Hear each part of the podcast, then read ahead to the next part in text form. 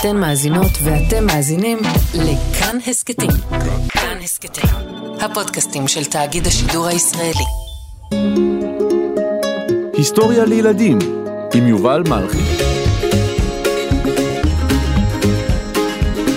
סיפורו של חג החנוכה, חלק ראשון.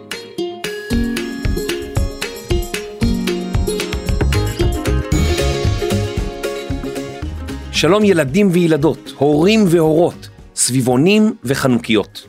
היום אני רוצה לספר לכם את סיפורו של חג החנוכה. אתם יודעים, בהיסטוריה של העם היהודי קיימים סיפורים מותחים ומרתקים. כזהו הסיפור של מרד המכבים. זהו סיפור מרתק על מלחמה בין אימפריה גדולה למחוז קטן, בין צבא עצום שיש לו אפילו פילים משוריינים ללוחמים לא מנוסים. זהו סיפורו של חג החנוכה.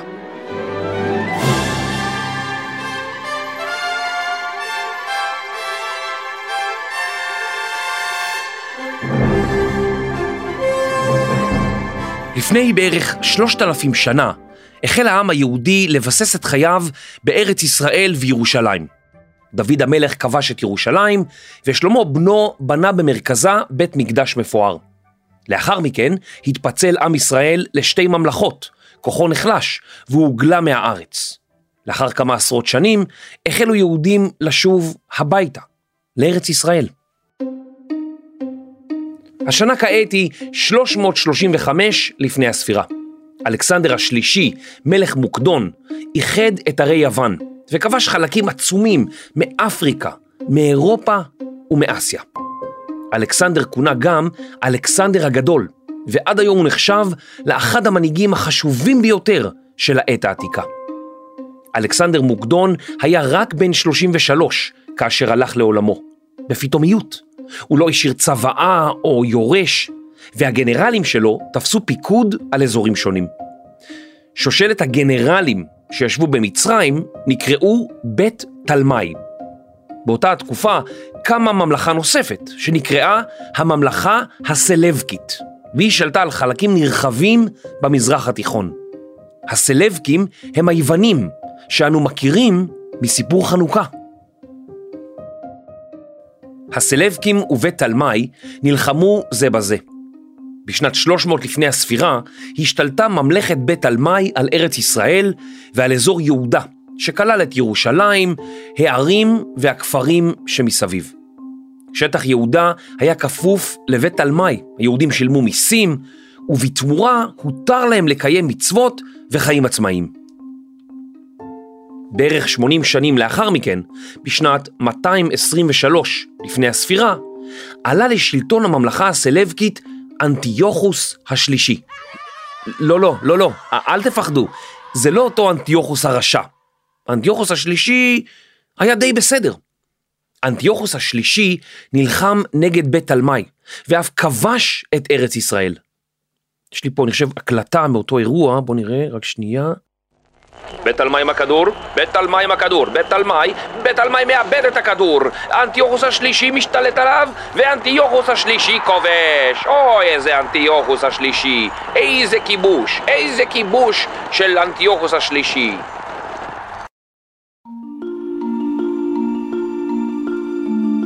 במהלך הקרבות הגיע אנטיוכוס השלישי לירושלים עם צבאו ופילי המלחמה שלו. הוא התקבל בסבר פנים יפות על ידי תושבי העיר, ובתמורה העניק ליהודים זכויות נרחבות. הוא פטר אותם מתשלום מיסים ואפשר להם לנהל חיים עצמאיים. לאחר 37 שנות שלטון הלך אנטיוכוס השלישי לעולמו. לאחר מותו של אנטיוכוס השלישי עלה לשלטון בנו, סלבקוס הרביעי, אך שלטונו היה קצר והוא יצא מהקבוצה. בעט בדלי, עבר להריח את הפרחים מלמטה. אחריו עלה לשלטון אנטיוכוס הרביעי, שנקרא אנטיוכוס אפיפנס. פירוש השם המתגלה. אה, רגע, אנטיוכוס, מה אתה עושה למעלה? אני, אני מקליט פרק, אתה לא יכול... אה, מה אתה עושה שם? אני עומד להתגלץ', הופה, אני אנטיוכוס המתגלץ', אתה אמרת. לא, לא מתגלץ', מתגלה, מתגלה, נג, נגלה לעולם, לא מתגלץ'. לא, לא, אני מעדיף אנטיוכוס המתגלץ', זה הרבה יותר כיף, זהר, יואו, יואו, וואי, וואי, אוי, זה מהר, זה מהר. אוי, זה מגלשה קצת מהירה מדי. אאו. טוב, לא משנה, נו, אנטיוכוס המתגלץ' זה לא טוב. המתגלה, אפיפנס, ה- המתגלה, המתגלה, בסדר.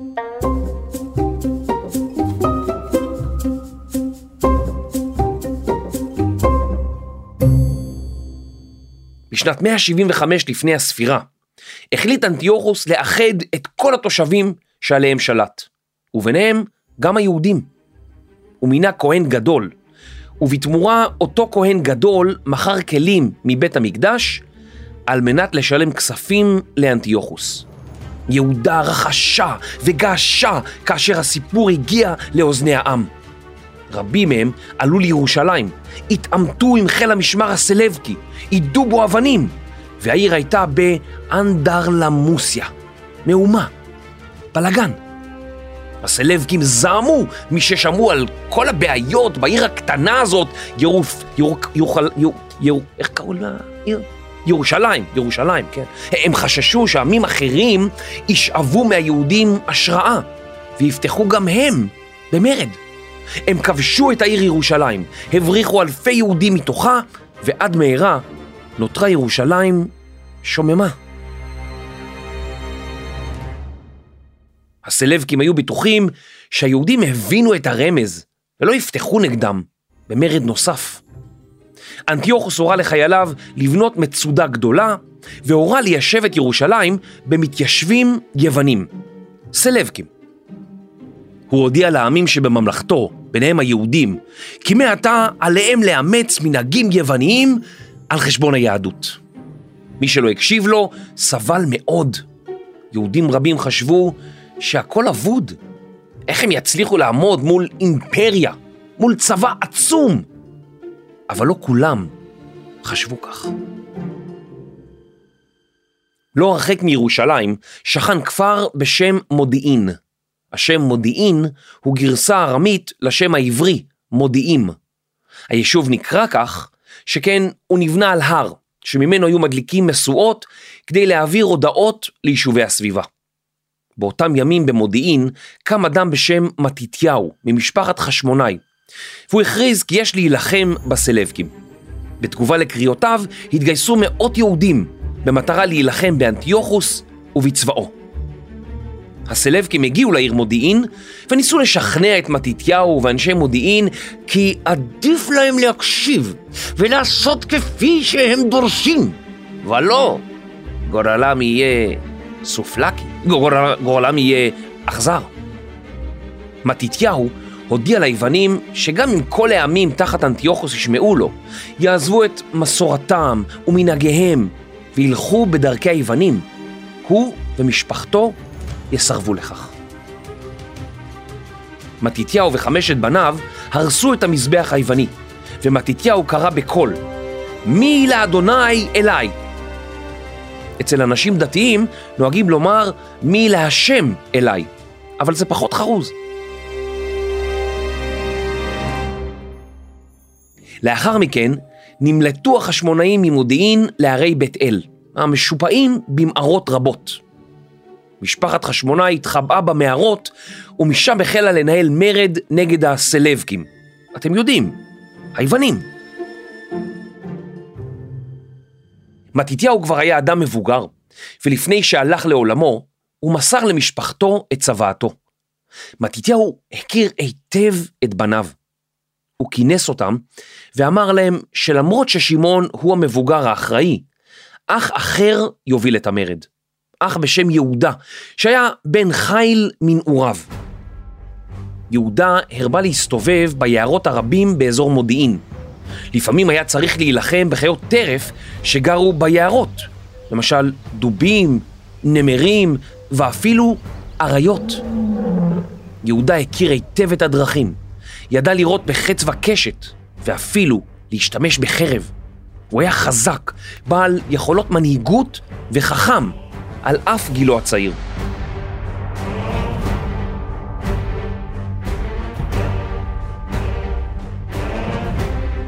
יהודה נקרא מכבי בכף או בקוף, ואין אנו יודעים במדויק מדוע.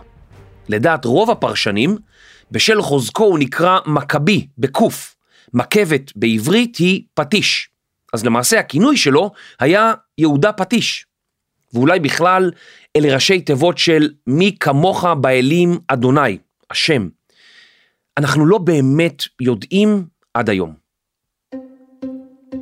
כולכם טועים! מה? סליחה אדוני, אני פשוט... אנחנו באמצע ההקלטה של... לא, אתה טועה ואתה מטעה! מה? מי, מי אתה? אני מתתיהו החשמונאי! וואו, שלום מתתיהו, יואו, איזה, איך אני מתרגש לפגוש אותך, יואו, יואו. כן, כן. גם אני מתרגש לפגוש אותך. אז רגע, אנחנו טועים בקשר לשמו של יהודה? ברור שאתם טועים. טועים ומטעים. אז באמת, אולי תסביר לנו, שנדע פעם אחת ולתמיד, למה קוראים לו יהודה המכבי? תראה, אני עבדתי בחצר, והארגז כלים היה בבית. אז מדי פעם צעקתי, יוחנן, מברג! והוא הביא לי. ואז, שמעון, איזמל! והוא הביא לי. יונתן, מריצה! אלעזר, מגרפה! יהודה, פטיש! פטיש, יהודה, פטיש! אה, וככה הוא קיבל את שמו. נו בדיוק, ככה הוא קיבל את שמו. עכשיו אתה הבנת? הבנתי, תודה רבה, וחג שמח. אה, אתה איש נחמד מאוד, נחמד מאוד. גם אתה, מתתיהו, גם אתה. בהצלחה. יהודה ידע שאם ינסה להילחם בצבא האימפריה העצום, אין לו סיכוי. אז הוא פיתח שיטות צבאיות חדשות עבור לוחמיו כדי להפתיע את הסלבקים. הלוחמים שהלכו אחרי יהודה המכבי נקראו עתה מכבים.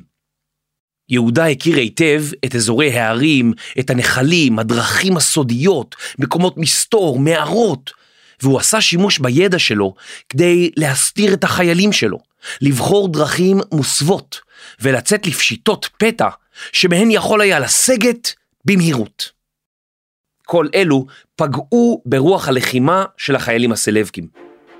חייליו של יהודה הפכו אט אט מלוחמים בלתי מאומנים ללוחמי קומנדו של ממש. הם היו בשיא כושרם, ידעו לנווט, לתקשר ביניהם, להילחם בקרבות פנים אל פנים, ובאופן כללי החלו לתפקד כיחידה מובחרת. לעומתם, כלל הצבא הסלבקי כוחות מגוונים שהגיעו ממקומות רבים באימפריה. הכוחות כללו חיילים בעלי מגנים כבדים וחניתות ארוכות. שיטות הלחימה שלהם היו מצוינות באזורים מישוריים, אבל יעילות פחות בהרים. מלחמה באותם ימים הייתה דבר מורכב. לא רק שהחיילים היו צריכים להגיע ברגל ממקום למקום, אלא שהיה עליהם לדאוג למזון, למים, לכמויות אדירות של אנשים וחיות, וכמובן לנשק. לא פשוט היה לסחוב את כל המזון והתחמושת לכוח הסלבקי ולכל החיות שהיו איתו, ובטח לא היה פשוט לספק לו מזון בשטח אויב. הסלבקים החליטו לשלוח כוח צבאי, שיטפל אחת ולתמיד ביהודה ובאנשיו וישמיד אותם. אבל ליהודה המכבי היו תוכניות אחרות לגמרי. כן, אני צריך לעשות כביסה, לא, לא התקלחתי חודש. יהודה, התכוונתי תוכניות נגד הסלבקים. אה, בטח, בטח. אוי, עוד מעט אתם באים? אני אזדרז. או, יהודה, נו באמת, תראה, הרטבת אותי לגמרי, עכשיו אני כולי רדום. בביבון סוף סוף סוף, ויובל הוא רטוב, זה לא טוב, זה לא טוב, מאחוריך הנה דוב. מה? או, אוי, באמת, זה דוב. אה, דובלה תירגע. דוב, דובלה תירגע. יהודה, תעזור לי. יהודה, תעזור לי. תסתובב מהר מהר במקום, זה יבריח אותו. אוקיי, הנה, אני, אני מסתובב מהר במקום. סביבון סוף סוף סוף, ויובל פוחד מדוב. די, יהודה, די. אה, זה בכלל מישהו בתחפושת. מה, אלעזר? מה, אתה עוזר לי, יהודה? ת, תגידו, מה יהיה איתכם? אתם רוצים שאני אמשיך לספר את הסיפור על חנוכה או לא? כן, כן, אנחנו רוצים, סליחה. אבל יובל, לפני שאתה ממשיך, תראה, יש שם באמת דוב אמיתי. מה? א- איפה דוב אמיתי? איפה? שם, בתוך הכד. איזה כד? כד קטן, כד קטן, שמונה ימים יובל פחדן. די, נו תפסיקו, יואו, איזה מעצבנים, יואו!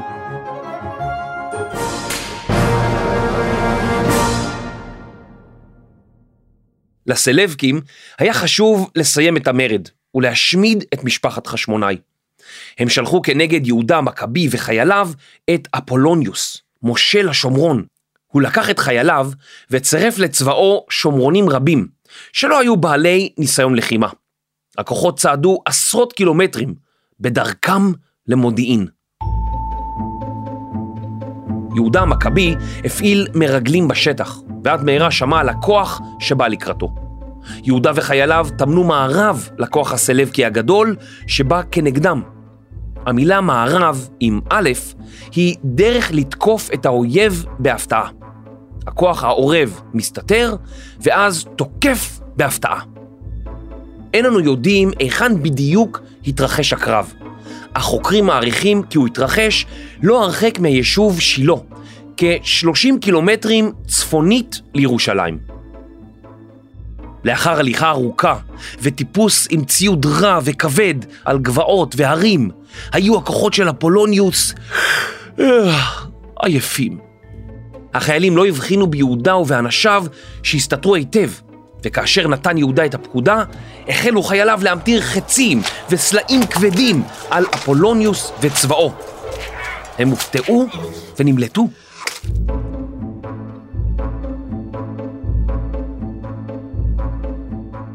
מושל השומרון אפולוניוס נהרג בקרב, ויהודה המכבי לקח את חרבו המיוחדת ולחם בעזרתה בכל הקרבות שבהם השתתף.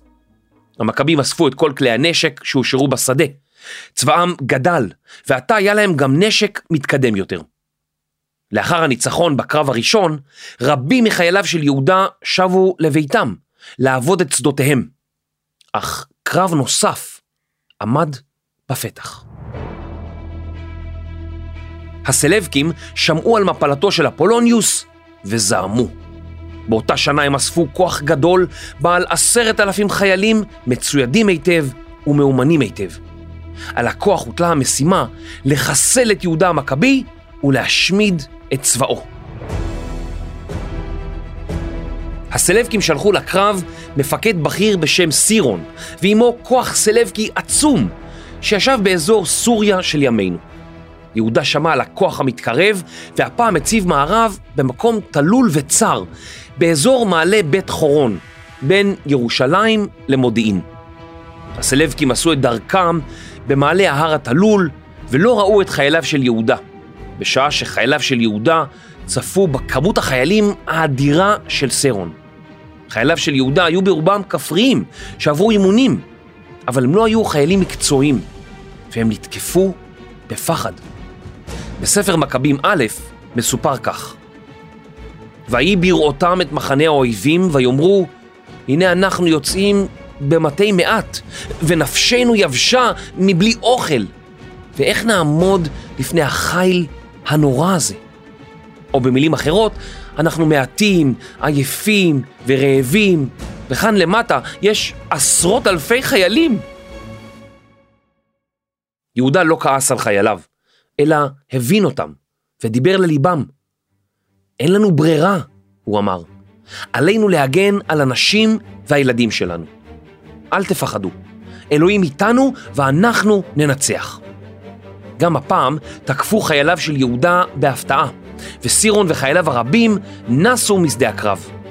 בעזרת השלל הרב ותוצאות הקרב, צירף יהודה לצבאו תומכים רבים.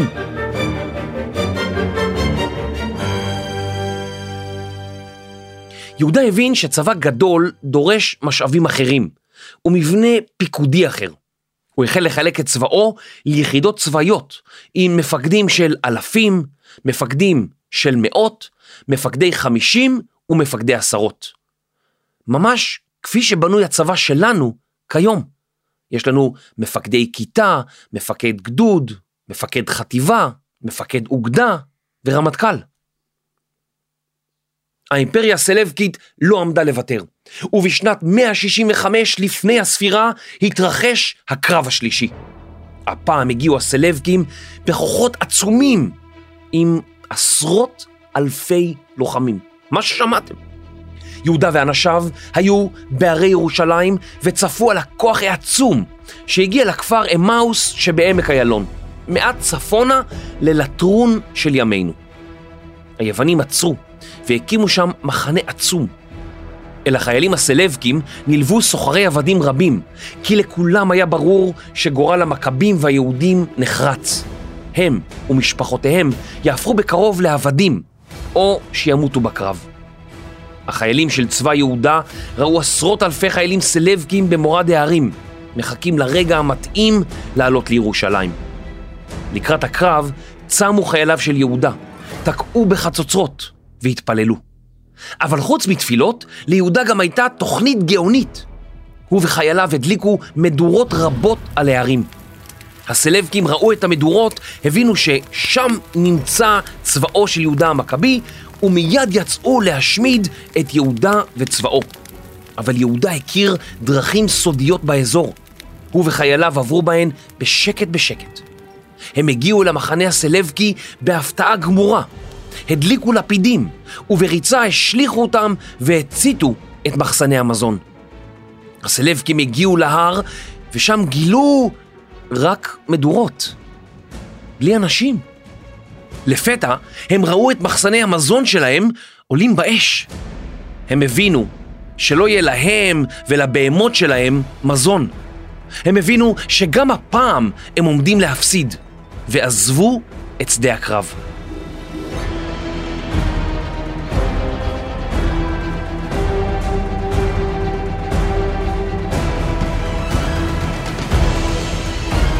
היה זה ניצחון מפתיע, ולמעשה עד היום לומדים אותו בבתי ספר צבאיים ברחבי העולם. לאחר שלושת הקרבות והמפלות, החלו הסלבקים, היוונים, לחשב מסלול מחדש.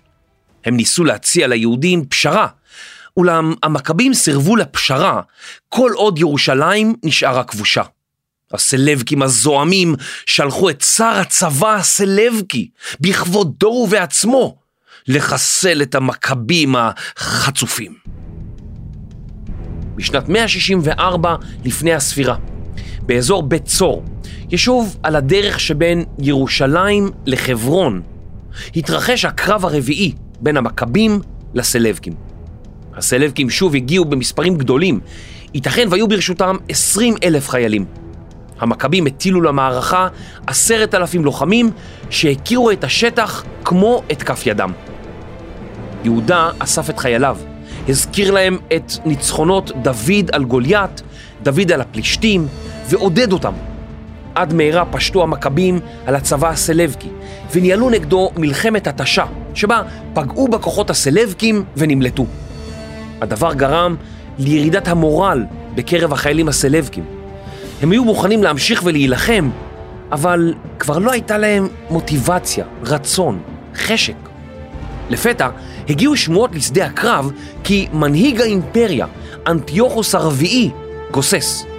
שר הצבא ליסיאס מיהר לשוב כדי שלא ימנו שר צבא אחר במקומו, והמכבים צפו בתדהמה בכוח הסלבקי, ששוב לא הצליח לנצח אותם.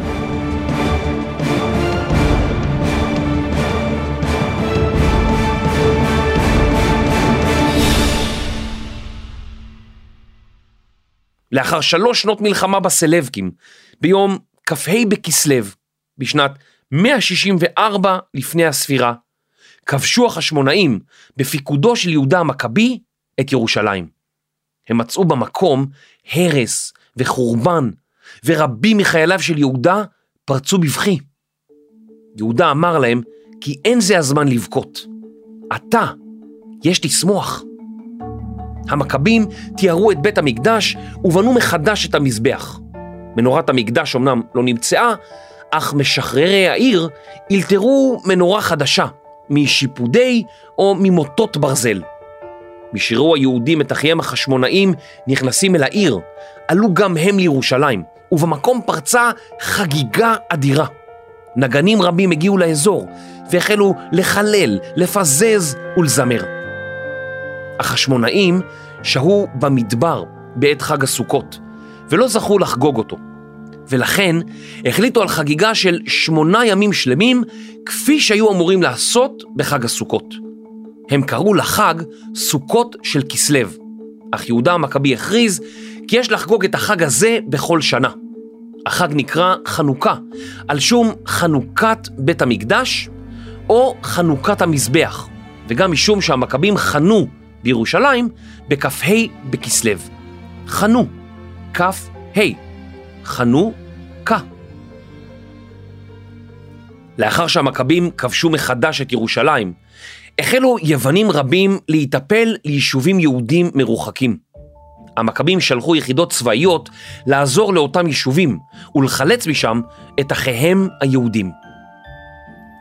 בינתיים המשיך יהודה להילחם בעמים שגרו בארץ ישראל והרחיב את ממלכת חשמונאי. הסלבקים החליטו שהגיע הזמן לסיים את הסיפור ביהודה.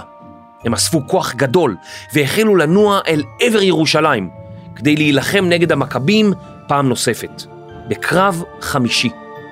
הפעם הם שלחו עשרות אלפי חיילים, כמות אדירה של פרשים, וגם 32 פילי מלחמה אימתניים.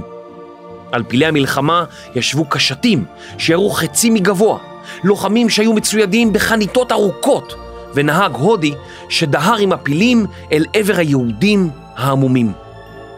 כיצד ייגמר הקרב? האם ירושלים תאבד שוב? כל זאת ועוד, בחלק השני והאחרון של חג החנוכה.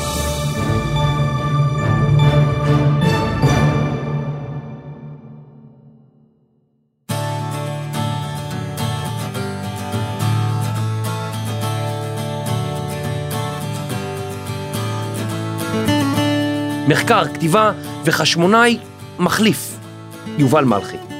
עריכת לשון ולוחמת חשמונאית מהוללת, דינה בר מנחם. מיקס, אפקטים ואחראי תופים בקרבות המכבים, רחל רפאלי. הפקה ואנשים שירו חצים על הסלבקים ופספסו, ניר גורלי, אבי שמאי ורני שחר. אני יובל מלכי, היסטוריה לילדים.